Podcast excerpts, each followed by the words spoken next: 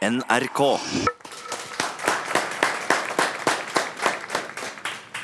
Hei, alle sammen. På vegne av Litteraturhuset i Trondheim ønsker jeg dere hjertelig velkommen til eh, frokostdebattsamtale her på Diggs i Trondheim. Temaet for dagen er Kina, kultur og kulturutveksling. og Tittelen på denne eh, samtalen er 'Det nye Kina strategier for kultur og samarbeid'. Vi skal med andre ord snakke om norsk-kinesisk kulturutveksling og kultursamarbeid. og Hvordan sånn utveksling og samarbeid foregår, og kanskje også hva formålet med sånn utveksling og samarbeid er. Kanskje, forhåpentligvis må jeg nesten kunne si, vil samtalen her bidra til å utvide forståelsen om Kina og presentere et litt bredere bilde av Kina enn det som vanligvis kommer fram i media. I uh, dagens panel finner vi tre personer som uh, har et nært forhold til, Kina og kulturutveksling mellom Norge og Kina, som vil dele, av sine erfaringer, uh, som, vil dele sine erfaringer med og tanker rundt kulturutveksling og samarbeid med Kina. Så Panelet består av Pekka Stokke. Pekka er lyskunstner og visuell, visuell kunstner som bl.a. jobber med menneskelig persepsjon og sanser og deres forhold til lys PK har jobba en del i Kina og med Kina og med kinesere gjennom de siste ti årene. Vi har Qingyu Qing Yu Li. Qingyu er opprinnelig fra Taiwan. Uh, hun er tidligere Kina-koordinator i tidligere Sør-Trøndelag fylkeskommune. I den sammenhengen har hun ledet flere trønderske, trønderske, delegasjoner til Kina og lenge vært involvert i uh, kulturutveksling med Kina.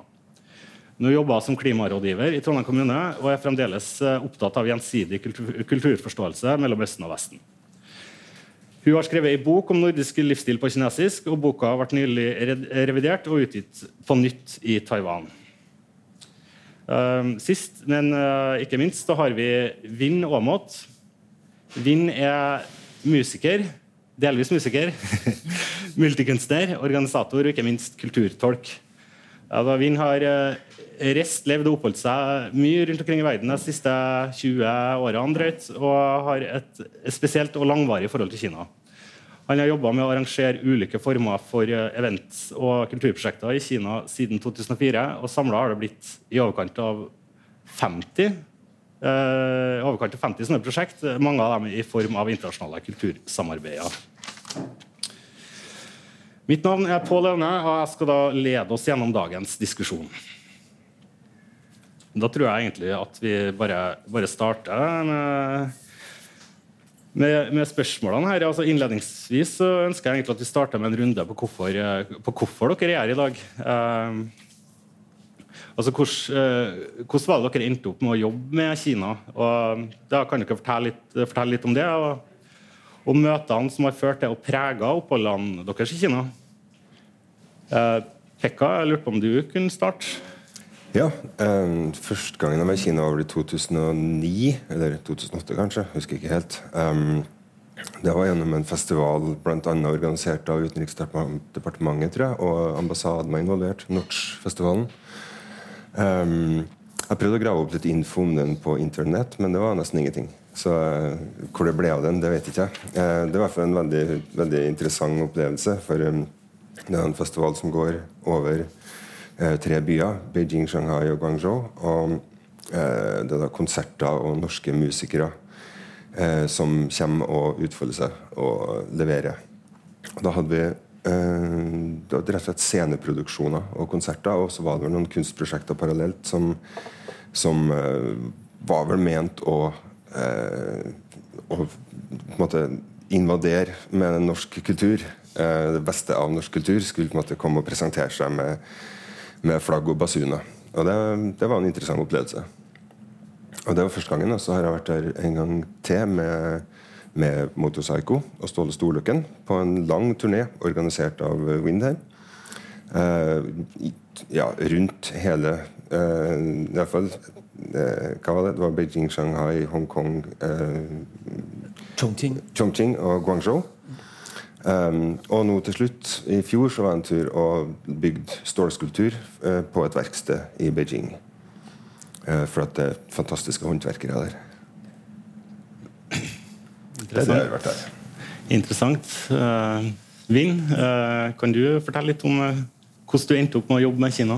Ja, jeg kan jo kommentere litt på, veldig kort på den notchen. Det var jo No pluss CH, altså Notch, det var Norge pluss China, som var bakgrunnen. Og den eh, holdt på i fire år. Ehm, og, eh, og, var vel en suksess, sånn som de fleste så det. Men ehm, fra norske, mer offentlige ståsteder så ble det kanskje litt for smalt. En sånn nisjefestival. De ønsket å fokusere på bredere prosjekter. I hvert fall den oppfattelsen jeg har fått. Og da holdt jo bl.a. vi på med bredere prosjekter og fikk en eh, del støtte. Vi tok ikke over for Notch, men, men jeg kom jo til Kina første gang på en seilbåt som var i ferd med å seile rundt verden, og da hadde vi noen måneder nedover Kina kyst. Og eh, det var vel såpass fascinerende at et par år etter så søkte jeg på et program eh, Norge-Kina kulturutveksling. Fikk en plass der, dro tilbake uten altfor mye research, og fant ut at eh, det var et godt sted å være.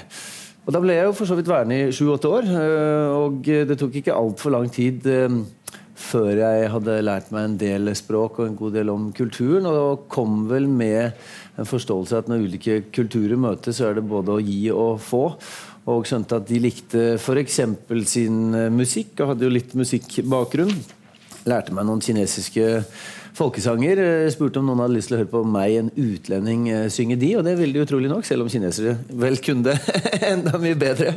Men det var mange som ville det, så jeg fikk jo eh, raskt en rekke gigs og ble invitert i da byen Nanning, hovedstaden i Guangxi-provinsen, hvor jeg holdt til på den tiden til 12-13 TV-programmer, tror jeg, de første fire månedene etter at jeg begynte å spille rundt der. Og ble jo litt sånn halvkjent i den hovedstaden med samme befolkning som Norge, og etter hvert i provinsen med 70 millioner, og ble invitert rundt omkring der, og også utenfor provinsen, og hadde masse spennende opplevelser med det. Det ble jo så som så med studiene, men det ble på en måte praktiske studier i det som skjedde der. Og, eh, og i løpet av eh, disse prosessene så slo det meg gradvis at eh, ja, istedenfor å bare bli invitert rundt, så kan jo kanskje jeg også begynne å invitere. Og, og, nettopp det gjorde jeg da, og, begynte med noen sånne småsamlinger av, av musikere fra fem ulike land. Det, ble en tre-fire gjennomføringer med de, og det mm, ga vel mersmak. Og da ja, fortsatte jeg og etter hvert begynte å utvikle større prosjekter og, og, ta kontakt med ambassade og konsulat. Og fikk litt støtte også fra Oslo i første omgang. Internasjonalt kultur, og det var vel sammen med konsulatet i Shanghai. Og så gikk det videre med hele UD-systemet og Kulturrådet. Og etter hvert så ble det jo noen uh, rimelig interessante prosjekter. Slett ikke bare med norske og kinesiske artister, men opptil 15-16 nasjonaliteter hadde vi de største kultursamarbeidsprosjektene. Multisjanger, musikk, dans, teater, multimedia, poesi, digital kunst. Eh, godt blandet, eh, egentlig, kan man si. Um, som også i tre-fire sammenhenger i hvert fall fulgte denne Guangzhou, Shanghai-oppskriften, om vi skal si det. At vi hadde, uh, vi hadde ti dager workshop-periode og skapte noe som vi da turnerte med i de tre byene. Men i tillegg så har det jo vært mange andre prosjekter med, med en rekke andre byer i, i, nesten alle provinsene. Faktisk så Ja, det var jo litt mer enn bare hva jeg endte opp med å gjøre, men det var, det var noe av resultatet også. Hvordan det endte opp der.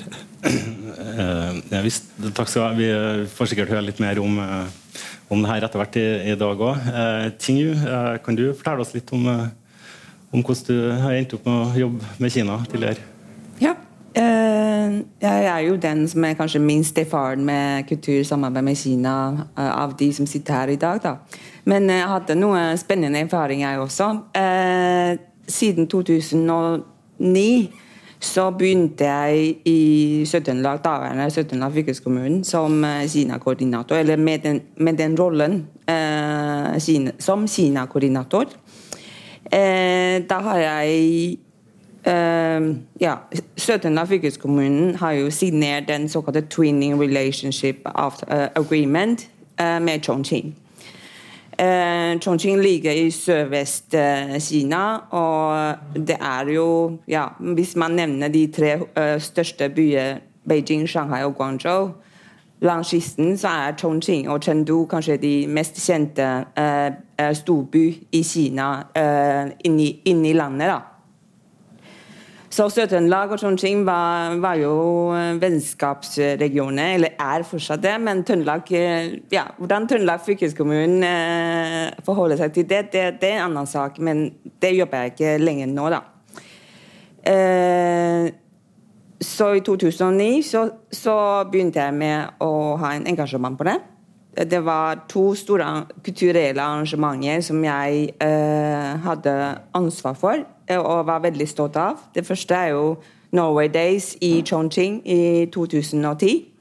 Det var rett etter eh, Norway Day eh, under Expo i Shanghai og så Da hadde jeg tatt med meg 100 trøndere til Chongqing og arrangerte både konserter med Trondheimssolistene og utstilling med Håkon Gullvå og, og, og, masse spennende møter. Og så En annen omgang da er 2014 og 2015. Da samarbeidet uh, Karen Bitt Weile, en papirklippkunstner, sammen med en uh, papirklippprofessor uh, i Beijing sin kunstakademie på en stor felles utstilling som heter Paper Dialogues, Dragon and Our Stories. Og Den blir jo stilt ut her i, i Trondheim også, som siste stopp etter Shanghai, Beijing, Shanghai og Oslo.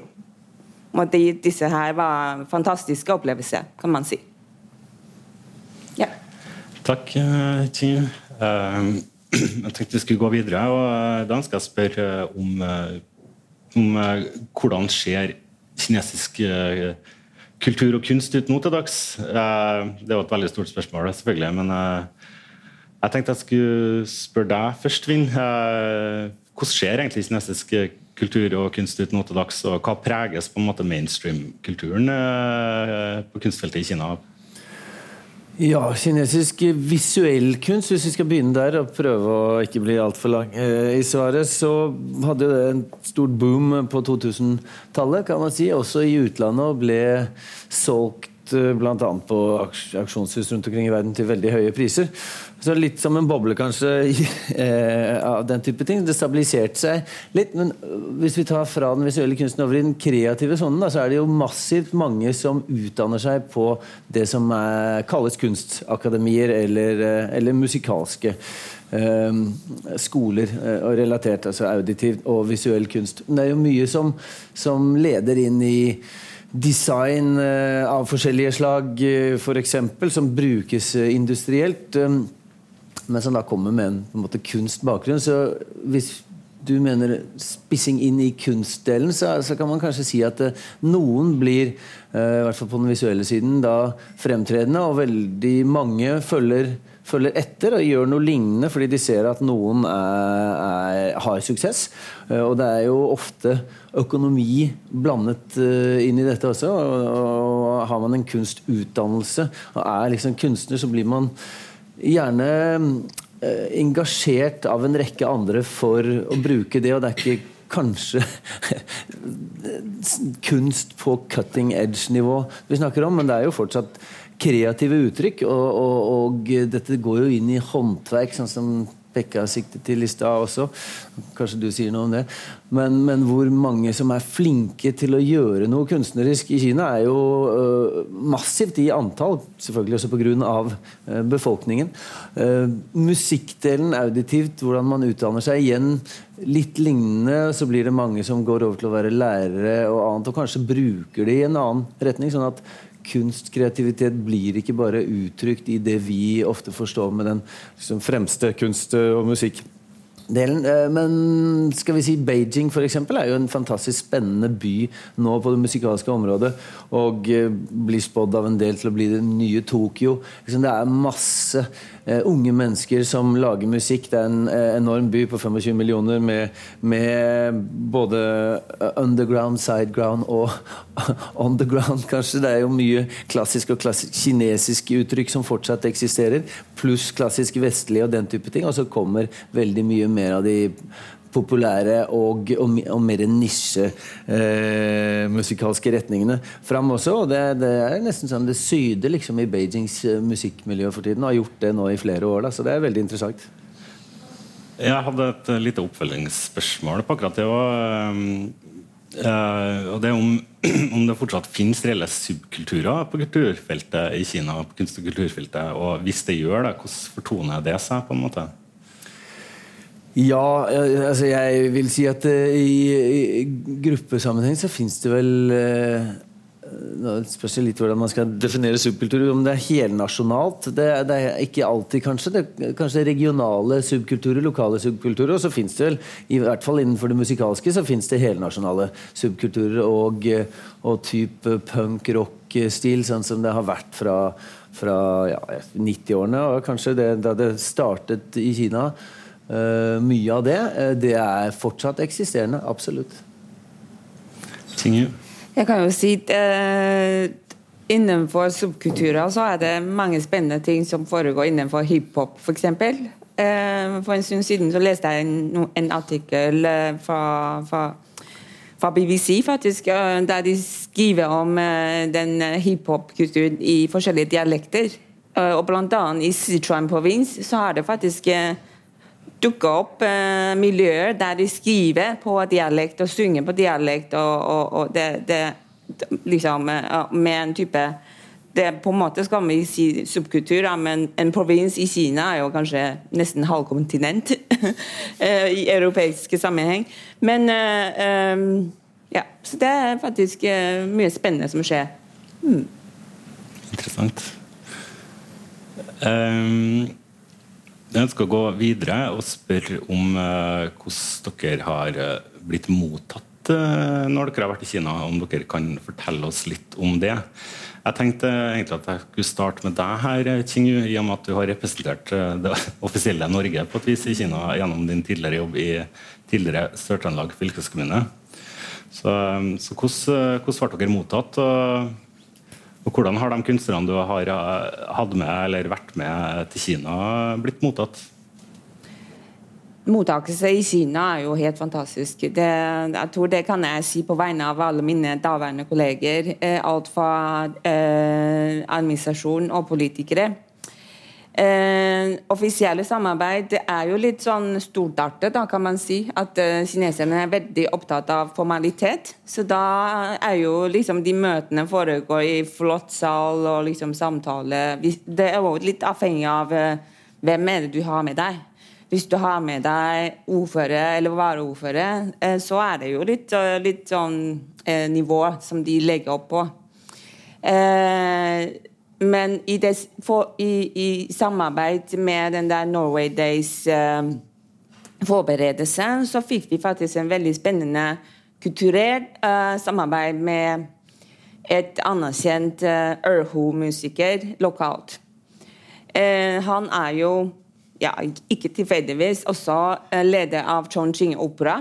Og veldig høyt rangert leder, samtidig en veldig, veldig dyktig musiker der og da, da vi møtes under forberedelsesmøtet, så sa han ja, jeg kan gjerne spille sammen med Trondheimssolistene. Så etter 20 minutters eh, øvetid så spilte de framførte de noe av det vakreste samarbeidet som jeg noen gang har hørt. da. Eh, så det, det, er jeg veldig stolt og rødt for. Så på, på, mange måter kan man si at eh, kineserne er veldig eh, høflige, eh, formalt eh, på mange måter formell, og så eh, veldig fleksible i samarbeid. Ja, jeg vil jo eh, støtte opp om det du sier der. Jeg tror basically alle som Uh, har vært med på våre samlinger, eller som uh, jeg har fått uh, med meg rundt i, i Kina, har satt veldig pris på mottagelsen. Det er klart Noen for konserter har vært mindre besøkt enn andre, og det kan jo hende at det var organisatorene der på de få stedene som hadde gjort mindre, for, eksempel, for å for å spre det. Etter hvert er det nesten blitt et sånn, litt sånn luksusfenomen de siste årene for en del mindre steder, for det er så mange utenlandske band som har ønsket å turnere i Kina i forhold til for 5-10-15 år siden. At det liksom har vært overveldende. Så de, de bare sier ja, ja, kom her, spill, liksom. Og så bruker de ikke noe de putter ut på weben, kanskje. og sånn. Mens, mens tidligere, og det var jo da vi har gjort de fleste prosjektene også, så har det jo vært eh, stort sett veldig eh, glade for at vi er kommet rundt og eh, hatt eh, mottagelser. Eh, om, vi ikke har vært eh, med ordførere og lignende, så har vi jo fortsatt fått veldig gode mottagelser i mange sammenheng og, og blitt særs godt tatt hånd om. Jeg har vel stort sett bare møtt ikke-offisielle. og det er det slo meg at det ble litt sånn å møte norsk normalkultur òg. Vi hadde en gang en kulturminister som mente at brunost og vaffel var det vi skulle være stolt av. Og det kan man jo tenke at uh, offisiell kultur bærer litt preg av i en kinesisk variant òg. Og så lander du på flyplassen, og så er det en underskog av subkulturer med superinteresserte folk, superflinke folk. Masse spennende som foregår. Uh, og det som kanskje ikke reflekteres så mye oppover og utover igjen, da.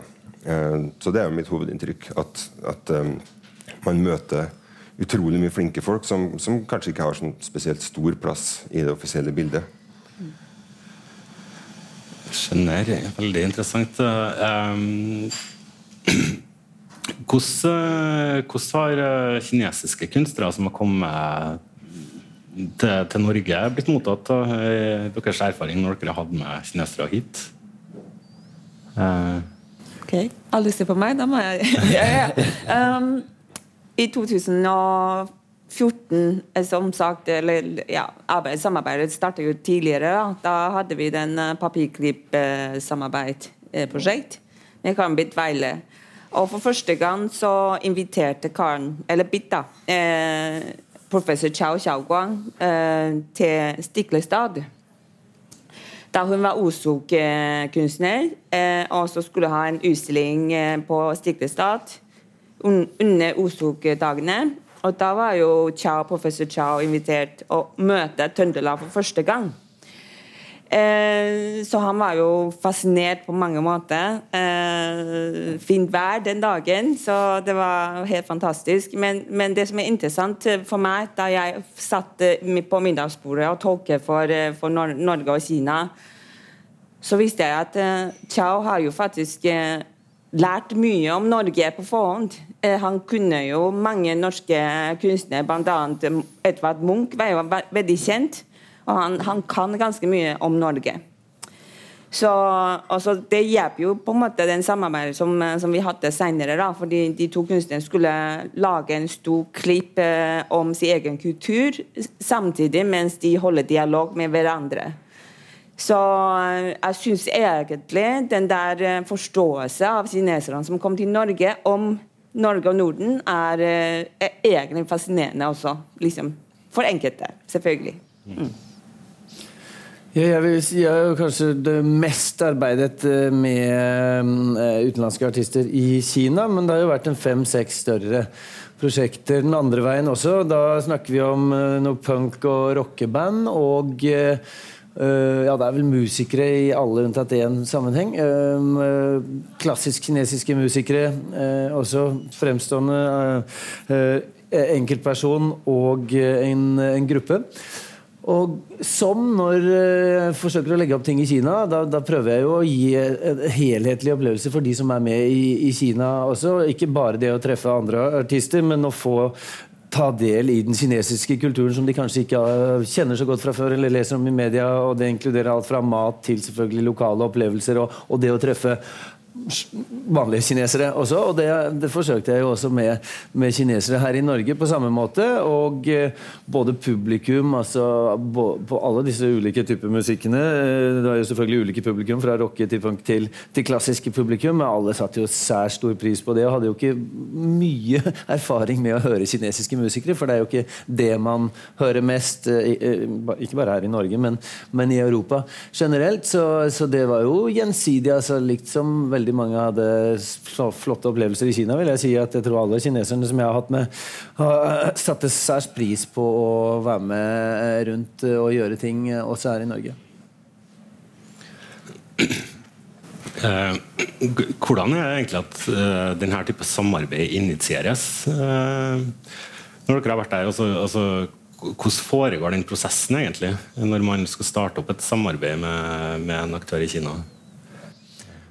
Noen får en idé, så tenker vi dette kan vi gjøre, og så arbeider de med det, og så gjør de det. Kort fortalt.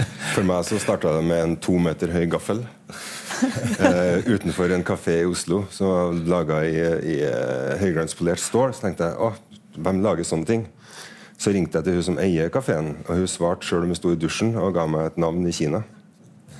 Og så bare eh, sendte jeg med litt mailer dit og fikk kontakt. Og så dro jeg ned og så at her er det jo ja, jeg kom inn på verkstedet deres, og der stod, var det en sånn 11 meter høyt buddha-hode med bambusstillaser rundt og isopor, uh, skåret ut isopor. Så sa jeg wow, det var jo svære saker. Og så kikka bare på meg og flira kontakten og sa ja, det er hodet. Kroppen er som en 76 meter høy buddha i bladgull, så um, bare hodet som står igjen.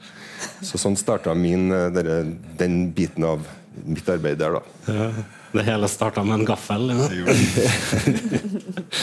For meg så starta det jo egentlig sånn med, som jeg fortalte i stad. Og så begynte jeg å skjønne at ja, man kan jo gjøre, gjøre, det. Og da må man jo finne rette folk. Og da kommer de jo gjerne fra en idé, og så må man finne fram til, til folkene. Så må man, hvis det ikke er eh, helt klar kommersiell eh, avkastning sånn direkte, så må man jo finne ut hvor man skal få pengene fra. Og da har vi jo eh, et Da er vi jo relativt heldige her i Nord-Europa Europa i forhold til veldig mange andre i verden at det er mange støtteordninger for, for, kunst og kultur. Så ved å grave litt inn i de, så finner man ut at uh, man kan eh, benytte både nasjonale og da internasjonale ordninger som som å si penger til reise, og, og til samarbeid og, uh, og produksjon.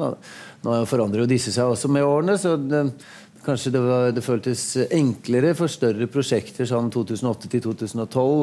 Og f.eks. Kulturrådet har forandret sine søknadsprosedyrer som gjør at man må være mer spesifikk. Og det som er utfordringen generelt, da, som jeg vil ha gjentatt uh, i andre sammenheng også, det er jo at hvis man vil ha, få til et samarbeid uh, og vet at man har gode mennesker, så så kan man tenke seg at institusjoner kan stole på at disse menneskene har kapasitet nok til å klare å få til noe bra sammen. Men veldig mange søknadsprosedyrer nå de krever en ferdig søknad hvor resultatet allerede er beskrevet. Det er klart at det det blir begrensende i forhold til samarbeid, for da må du jo bestemme på forhånd. og Det er vel en viss fleks der, og du kan skrive noe, så blir det litt annerledes. Sånn, men, men, hvis det er altfor annerledes, så får du jo ikke noe kred til senere søknader. Så, så det, er, det, er, noe jeg ville egentlig som en opp oppfordring til offentlige institusjoner og enhver støttespiller å se litt på det igjen og kanskje eh, være åpen for å ha noe mer fleksibilitet, som det var tidligere, da, hvor, hvor de hadde f.eks. grupper som så på søknader, som, som, faktisk satte seg ned og så ok, dette passer i flere kategorier, eh, og det er kult prosjekt, og disse menneskene er jo gode, og de, da bør vi gi støtte. Liksom, det opplever i hvert fall jeg, og jeg har snakket med flere andre som føler at det har blitt vanskeligere da. Ja, ja. Litt off target uh, der på slutten, men, uh, men, det er jo delrelatert også. Absolutt relevant, uh, det, Vinn. jeg har et Jeg ønsker å gå videre med et spørsmål om hva vi kan forvente oss videre fra Kina. altså Hva som rører seg på kulturfeltet i, i Midtens rike for tida. Qingyu, har du noe, noe innspill? Jeg syns egentlig, hvis jeg får, får, ta en mer sånn personlig vinkling på det da, eh, Jeg syns jo egentlig å samarbeide med Kina på kulturområdet er kjempeviktig for et land som Norge. Fordi jeg synes at kultur er jo en sånn element der du kan bidra til bedre forståelse på tvers. Eh, jeg er jo en veldig nysgjerrig person generelt, så jeg syns å lære om et nytt land Uavhengig om hvor viktig det, det er, eh, liksom, er jo spennende i seg sjøl. Men eh, Kina har ganske mange muligheter og tilbud. Jeg vet jo at Den nåværende Trøndelag fylkeskommune har jo masse idrettssamarbeid. Og om idrett en del av kultur, det er jo en debatt i seg sjøl. Men, eh, men, jeg syns at, at man bør fortsette å holde den kanalen åpen og øke til, til, til aktivitet, øke, uh, aktiviteter begge veier. Det, det, er min personlige ønske, da. Men per i dag så har jeg jo ikke så stor eh, rolle for eh, å bidra med, med samarbeidet som på jobb, men eh, ja, gjerne på sidelinja. Um, ja. Jeg kan også gjerne si noe mer videre om, om det. Kanskje en litt digressiv vinkling inn til forsøk på å svare på, på spørsmålet. Uh, som igjen også er litt sånn personlig. Når, når, jeg i tillegg til å finne ut at det var gøy å, å dra rundt uh, og, uh, og, opptre, og så samle folk til prosjekter, så så jeg også at kinesere som folk rundt omkring, et utrolig variert land med masse ulike folk og, og veldig mye variasjon generelt, var veldig åpne for impulser utenfra. Eh, og, eh, og, det som slo meg, var at de impulsene de fikk utenfra, det var 99,9% business. For det er veldig veldig, veldig mange fra utlandet de ville inn i Kina og ta, eh, gjerne få en del av det kinesiske markedet. Eller produksjonen var jo veldig stort. Nå snakker vi om 2000-tallet på, på, den tiden. Eh, som jo har forandret seg nå, men det er jo fortsatt my mye produksjon. Og nå er det mer annet også.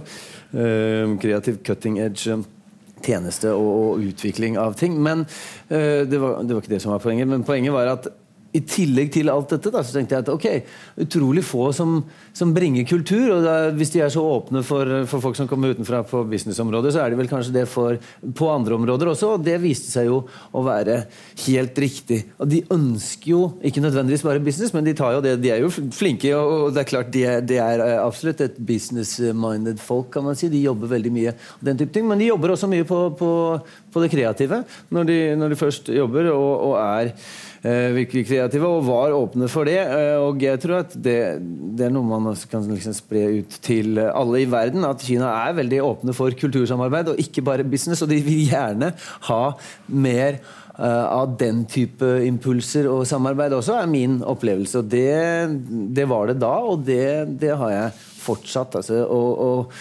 se på det som en form for brobygging også, er jo um, Business kan være brobygging, kulturarbeid kan være brobygging. Det er jo samarbeid, uh, alt egentlig. Og det, det, har vi vel, i hvert fall sånn som jeg ser det, bare godt av her i, i hele verden. Men er det sånn at uh, altså de, sånn som Mitt inntrykk er at de fleste prosjekter som, uh, ja, sånn som du har jobba med, og som er av norske artister, norske kunstnere, norske kulturarbeidere, drar til Kina og gjør ting, så er det ofte på norsk initiativ. Eh, kommer det noe særlig andre veien? Er det mye som slipper ut? Eh, hva er det som slipper ut, og hvordan har du noen mm. synspunkter på det? Ja, ja, Noe av det norske initiativet var jo eh, var f.eks. meg, siden jeg bodde der og fikk de ideene. Jeg har ikke blitt kjent med mange kinesere her i Norge, nå har jeg ikke vært så mye i Norge heller, men som, som gjør det samme. Men det er jo økende grad, eh, sånn som jeg har fått info av gjennom numrene og i uh, samtaler med, med, UD eller stasjonene i Kina, så er det jo økende grad av besøk andre veien også. Så det er kinesiske uh, visuelle kunstnere, musikere og andre som kommer ut. Og da tror jeg faktisk at det er igjen ofte på norsk eller utenlandsk initiativ. Da. Og kanskje er jeg vet ikke hvorfor dette er. Kanskje kanskje Blant alle de menneskene som er der, så, så, kunne man jo tenke seg at det var flere kinesere som så eh, Eller tok en, en rolle som eh, kuratorer for sånn. Og det, det finnes.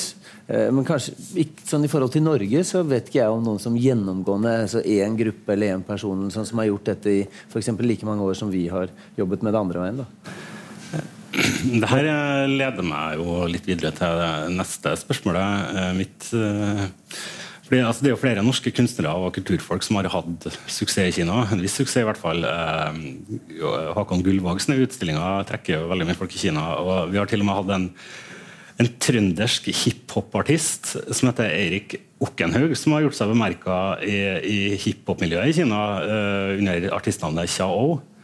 Um, så, hvordan, eh, hvordan, kan vi ta del i kulturen der? Altså, hva er egentlig mulighetene for nordmenn og europeere i Kina på kulturfeltet framover? Ting kanskje du har, har du noen innspill der? Uh, jeg syns egentlig hvis du ser på den mainstream kulturscenen i Kina per nå, så har de jo bl.a. En, en del sånne talentprogrammer som i form av Idol og massevis av muligheter. Store scener for eh, folk som ønsker å prøve forskjellige ting. Eh, mulighetene er mange, men her ønsker jeg faktisk å ta inn en annen perspektiv, som jeg synes jeg har veldig lyst til at Norge ser nærmere på, eller flere norske aktører. Vi snakker per i dag ganske mye om det såkalte kultureksport. Eh, hvordan skal vi selge Norge? Hvordan skal vi ta med, hvis vi ikke bruker det kommersielle ord 'selge', eh, ta med norske aktører liksom, eh, til, til, til, Kina? Men jeg vil gjerne i større grad liksom oppfordre Norge til å ta imot noen ting fra Kina. Vet vi hva kineserne ser på i Kina? Vet vi hva de hører på? De filmene for eksempel, som noen ganger vi får, får, får, mulighet til å se i Norge, og kanskje disse, fra disse filmfestivalene. Men hva er den, en, en blockbuster i Kina? Vet vi noen om det? Jeg syns vi, vi kjenner Kinere for lite. Så jeg vil egentlig liksom snu, snu hodet litt og si at uh, jeg, ja, folk flest vi, vi, vet jo at Sør-Korea har jo vært en veldig stor kultureksportør. Eh, og, og, det skjer jo nesten ja, Norske ungdommer tar, tar, del i det naturligvis, fordi de syns det er veldig kult. Men, eh, men, eh, hva med tilsvarende elementer eh, fra et stort land som Kina? Det er egentlig å snu spørsmålet litt. og Det vil jeg gjerne se at utvikling også skjer den veien. da. Mm -hmm. ja. Eh, ja, er, vi hører jo at det er, det er mye, mye, som skjer i Kina. Det er mye muligheter for samarbeid. og, og Det kan absolutt bli mer samarbeid eh, begge veiene, hører jeg. At, uh, ja. Uh, nå har jeg lyst til å gå litt videre og, og stille dere et spørsmål om, om uh, hvordan, uh, dere oppfører dere på et vis da når dere er, er i Kina og har kultursamarbeider. Fordi altså Kina er jo kjent for mange, mange, ting, og det at de har et relativt strengt sensurregime, er vel også ganske, ganske, ganske godt kjent. Så altså, hvordan er, hvordan er denne sensuren synlig for norske kunstnere eller kultur, kulturfolk når de er der? Og også for dem som arrangerer eh, sånne events og sånne, ja, sånne ting. Der har vi et eksempel. Eh, når vi var på tur med Motorcycle, at vi eh, hadde egentlig booka litt større venues og festivaler, og så fikk vi en kontrabeskjed ganske like før om at uh, vi kunne ikke ha noe norsk band på en plakat på en offisielt uh, støtta festival. Var det sånn?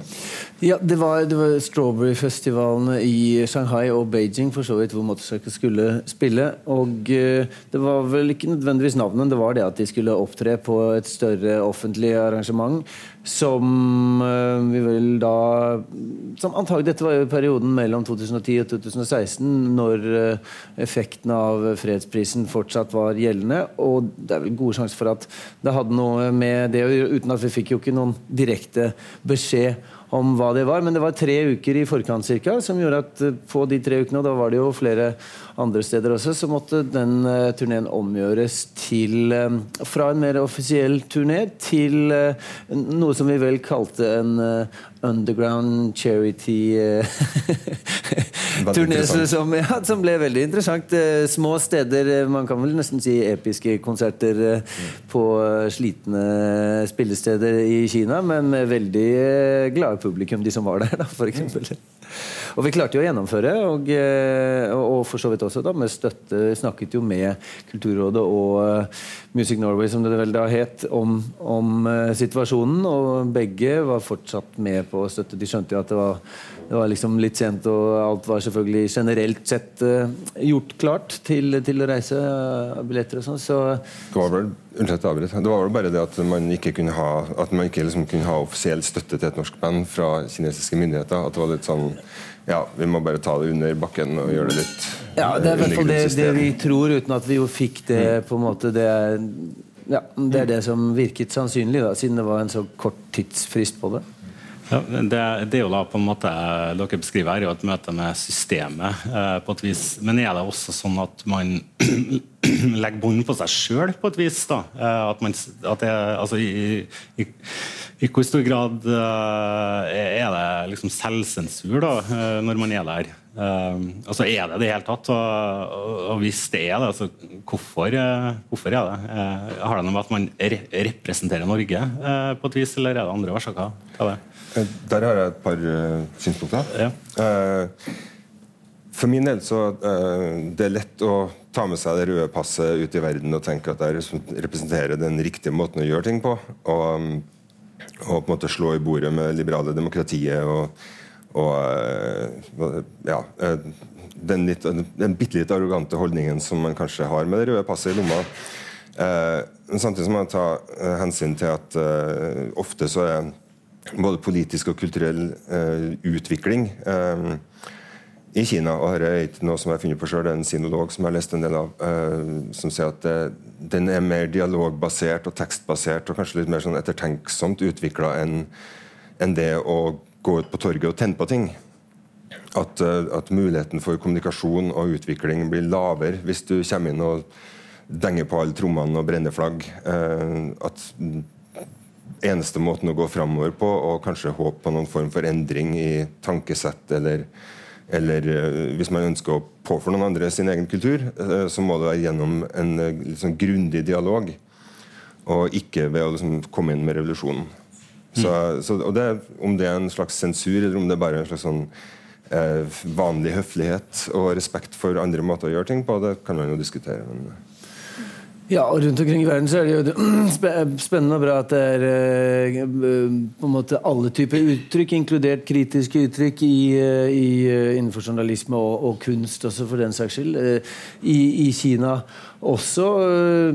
Men, men, nettopp interessant å høre hvordan du beskriver den forskjellen. Det er viktig å, å tenke at Og kanskje er det litt av en grunn også for nå er det ikke bare Norge som er sånn, men ditt spørsmål i stad om, om, om, kinesere tar med folk ut Norge er jo ikke akkurat et stort land, hvis man tenker på Norge først. Og mange kinesere tar vel med seg kunst ut, men kanskje gjør de det først og fremst. De andre alle jeg kjenner av kinesere syns Norge er spennende og eksotisk, men det er kanskje ikke den de først tenker på for å gjennomføre typer samarbeid av ulike slag. Alt fra business til, til kultur. Da. Så det kan jo være være en, eh, en grunn. Um, sånn, I forhold til de, når vi har vært rundt i og gjort ting i Kina. Akkurat der og da i uttrykksøyeblikket så tror jeg ikke vi har noen, eh, noen spesielt øh, gode eksempler på at vi har måttet begrense det som har vært det kunstneriske uttrykket. Vi har måttet omgjøre en turné, men det blir jo mer organisasjonsfasen. Og det var et par andre ting. Vi fikk noe annen konsert avlyst og sånn. Men, men øh, men akkurat uttrykksmessig så tenker jeg at det, det, har ikke vært veldig merkbart for kinesere, hvis det er en videreføring av, av spørsmålet. Så tenker jeg at det, det har jo vært veldig uh, fritt når jeg først kom til Kina da begynnelsen av 2000-tallet. Hadde jeg følelsen at det var mye friere enn Norge uh, på de fleste plan, bortsett fra kanskje direkte uh, opposisjon politisk. men ellers uh, muligheter til å prate, prate, om alt dette. Og etter hvert som det har utviklet seg til kanskje mer uh, selvsensur, så kan man også tenke seg at det har muligens noe med hele systemutviklingen, uh, naturligvis. Men man kan også tenke seg at fordi det blir en så stor del plukket opp av media i Vesten, da, så blir det enda mer sensitivt. sånn at hvis en uh, nettopp skulle brenne en kineser, kunstner kreativ skulle brenne et flagg der, så ville kanskje hele verden se det. Og da blir det selvfølgelig mye, mye vanskeligere å gjøre det i Kina. Altså, mens tidligere så var det ikke så. Det var jo flere, masse ulike uttrykk som, som florerte i Kina, og det ble ikke en så stor ting i resten av verden heller. og Da var det kanskje lettere for folk å gjøre det i Kina. altså Ikke bare pga. det interne, men faktisk pga. helheten i i, verden. Uh, jeg tror vi må bare si at uh, sensurregimet finnes i Kina. Det, det er, uh, men om det er norske artister som, som rammes mest, det er et annet spørsmål. Fordi at, jeg tror at før, før, du kan bli sensurert, før du går i den sensitive området der kinesiske myndigheter liksom setter grenser på, det, det, det, er fortsatt ganske mye samarbeidsmulighet. Men eh, jeg vil gjerne påpeke at den sensurregimet påvirker kanskje i større grad egen kunstner. Eh, hvis du er kinesisk kunstner innenfor f.eks. film, innenfor litteratur, innenfor eh, til og med en del andre kunstformer, du har mye større sannsynlighet å, å bli liksom, sjekket på og se nærmere på. Eh, om, eh, om, vi skal ha en mening om det, og om det er det vi skal ta med oss med det røde passet når, når nordmenn går, drar til Kina, det er selvfølgelig en diskusjon i seg sjøl. Men jeg kan jo si at eh, jeg kommer jo fra Taiwan. Men den gangen da jeg representerte eh, Sør-Trøndelag fylkeskommune og jobbet i, i, Kina, så har jeg ikke opplevd noe eh, konfronterende ubehag. ubehag. Eh, det kan jeg bare si. Ja. Eh, det, det, er jo bra, da. Mm. Så, uh, finnes det Finnes det regimekritisk kunst som når et større publikum i Kina? Vet du noe om det? Uh, ja, jeg kan på mange måter si at Kina er et stort land. Det er jo uh, ja, så mange mennesker der, selvfølgelig med veldig mange forskjellige meninger. innenfor film igjen det er jo faktisk stadig vekk filmer som blir laget og ferdigprodusert, men ikke kan vises i Kina. Og så kan jeg jo bare påpeke en sånn eh, eksempel. Det var en eh, film som ble nylig nominert til liksom, Gulløve i, i, i Venezia det var jo veldig storartet liksom bli anerkjent utenlands. Men, eh, men, den filmen per i dag har ikke en visningsdato eh, lansert. Det var først planlagt til en dag i desember, men så ble det utsatt til ubestemt tid. Eh, så, så, det er faktisk den, hverdagen. Hvis du er den type kunstner du ønsker å være, og velger å være i Kina, så må du leve det, realiteten som man må rett og slett kjenne til. Men hvordan det vil da påvirke samarbeid, kulturelt samarbeid eh, som, eh, som, Norge og Kina har, det, det, får være en diskusjon i seg sjøl, syns jeg. Mm. Ja. Uh, skal jeg stille et, et, hva skal si, et litt større spørsmål her om uh, altså, altså, hvordan kan vi, eller kan vi, bidra til en positiv felles utvikling mellom Kina og resten av verden? Eh, med, med, kultursamarbeid og kulturutveksling. Eh, så altså, kan man oppnå reell påvirkning annet enn, enn den personlige påvirkninga man oppnår gjennom kulturutvekslinga og det internasjonale samarbeidet. Uh, Vinn, kan du um, Ja, jeg vil jo mene det. Det er, det er liksom sånn du f.eks. lager ett prosjekt, og så møter eh, en god del ulike mennesker hverandre som ikke har møttes før, og så finner noen av dem ut at hei, de klikker bra med hverandre. Og, eh, og de har jo begrenset tid i det ene prosjektet, eh, og da får de lyst til å gjøre noe mer senere. Og dette har jo skjedd mange ganger som etterdønning, eller hva vi skal kalle det, av, av de prosjektene som vi har organisert. Og så har de selv da skapt nye prosjekter og involvert andre igjen, som da får treffe dem og igjen bli kjent med nye, og så lager de nye prosjekter som sprer seg utover. og de går jo da inn i ulike regionale lokalmiljø i disse tilfellene eh, i Europa og, og Kina. Da, ulike steder i Kina. Og eh, det er jo vanskelig å, eh, å tenke at det ikke kan ha en positiv effekt. Sånn kulturutviklingsmessig sett, forståelse for hverandre, samarbeid, det å ja, rett og slett lære av hverandre. Da. Ha det gøy sammen, ikke minst få seg venner andre steder i verden. Det, det er vel eh, Jeg opplever positive sider av det, og det er jo noe av det som har vært eh, underliggende som, eh, som insentiv og motivasjon også for meg i å bruke såpass mye tid eh, og energi som jeg har gjort på mange av de prosjektene vi har organisert. Mm. Jeg opplever at det er veldig på personnivå. Du møter mennesker som har venner, som, som har gode, gode opplevelser. Og eh, jeg kan vel av og til tenke at om jeg har kontakt med 50 eh, stykker av 1,2 milliarder, så er kanskje ikke all verdens eh, påvirkning det har å si. Um, men for dem man møter, så er det verdifullt. Og for meg så er det kjempeverdifullt. Um, men det er jo alltid en debatt på, på, hva er det man ønsker, og hva er det man håper å, ha, å få til, og hva slags ambisjoner har man med det.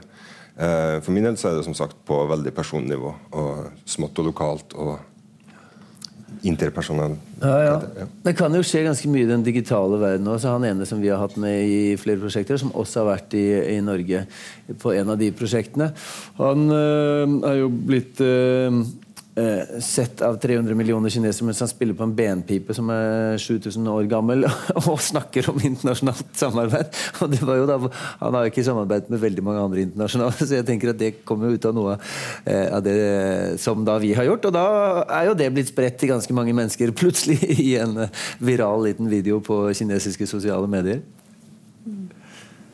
Ja. Uh jeg syns jo egentlig Jeg er i hvert fall alt for kulturelt samarbeid. spesielt nå det, det, Kina som vi leser og hører om fra mediebildet, blir jo mørkere og mørkere på, på et vis. Eh, men desto viktigere for oss å prøve å skaffe en store bilde av hva landet er for noe. Jeg synes jo at vi, vi, alle som har vært i Kina flere ganger, vet at det finnes bare mange flotte mennesker der. Eh, så jeg, men personlig så har jeg ikke vært i, i Fastlandskina siden oktober 2014. Men eh, jeg har faktisk bestemt at i to, året 2020 ønsker jeg å være eh, enda mer belest om hva landet er for noe. Så jeg kommer til å lese ganske mye. Så i flere anledninger kan jeg gjerne dele min kunnskap og, og, forståelse med nordmenn.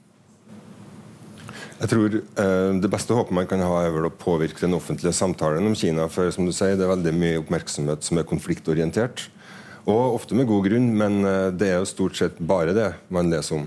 Mm. Om hva skal, hva skal grusomme Kina gjøre nå? eh, mot eh, hvilken gruppe man har den uka. Liksom. Eh, så hvis man kan påvirke hvordan man snakker om, om muligheten for samarbeid og den offentlige samtalen, så er det en god ting. På det nivået. Ja, Da er vi inne på medier også. Kanskje Et litt bredere bilde i, i media generelt hadde jo vært fint liksom, om noen journalister tok seg en tur og reiste litt rundt. Og det er mange interessante ting som man kunne skrive om, og eventuelt filme der.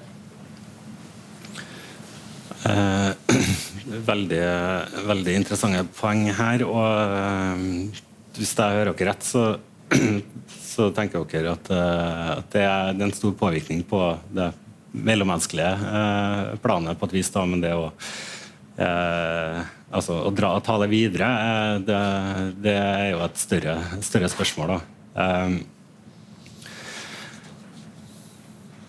vi begynner å nærme oss slutten av tiåret, så jeg ønsker å spørre dere om dere har noen anbefalinger til folk som ønsker å starte samarbeid med Kina.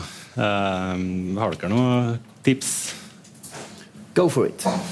jeg tenkte litt mer konkret enn det, Vil, men uh, jeg vet ikke, ting kanskje du har ja, Det er et veldig stort spørsmål. da. Hva, å starte samarbeid med Kina, det er liksom, hvilken type samarbeid, hvilken uh, utgangspunkt uh, hver eneste av oss har, det er jo vanskelig å si. Men jeg syns også go for it.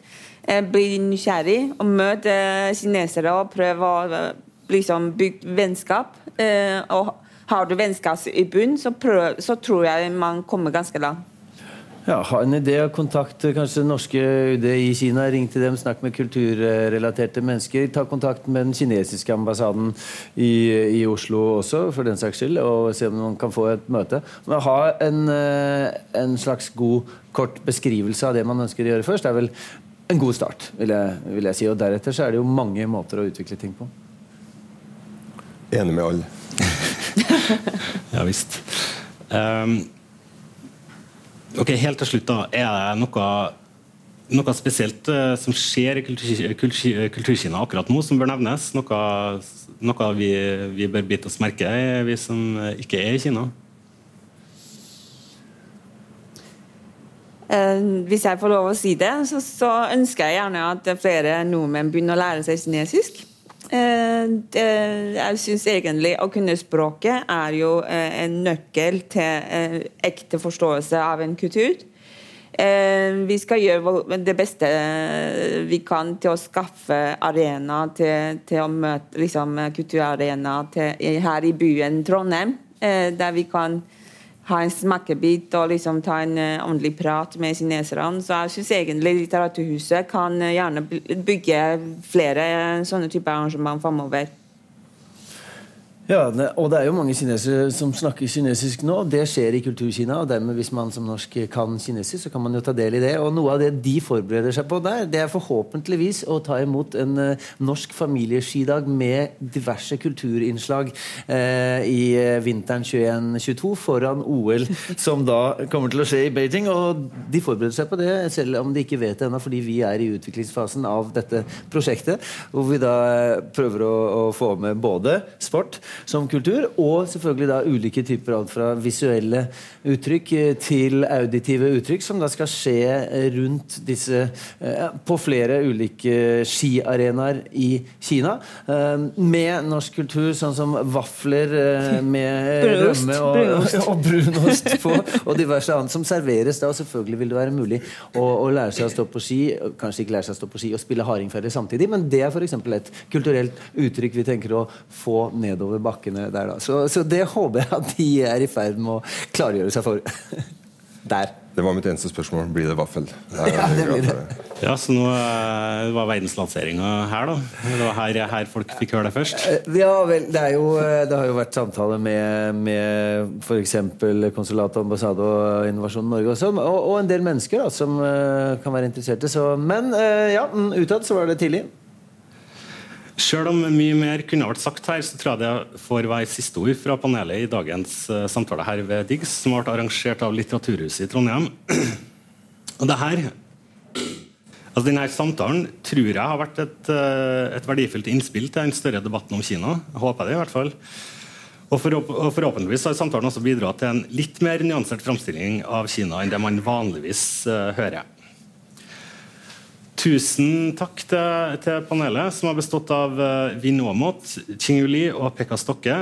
Tusen takk til Litteraturhuset i Trondheim. Tusen takk til Diggs, uh, og ikke minst tusen takk til publikum. Mitt navn er Pål Aune. Takk for meg.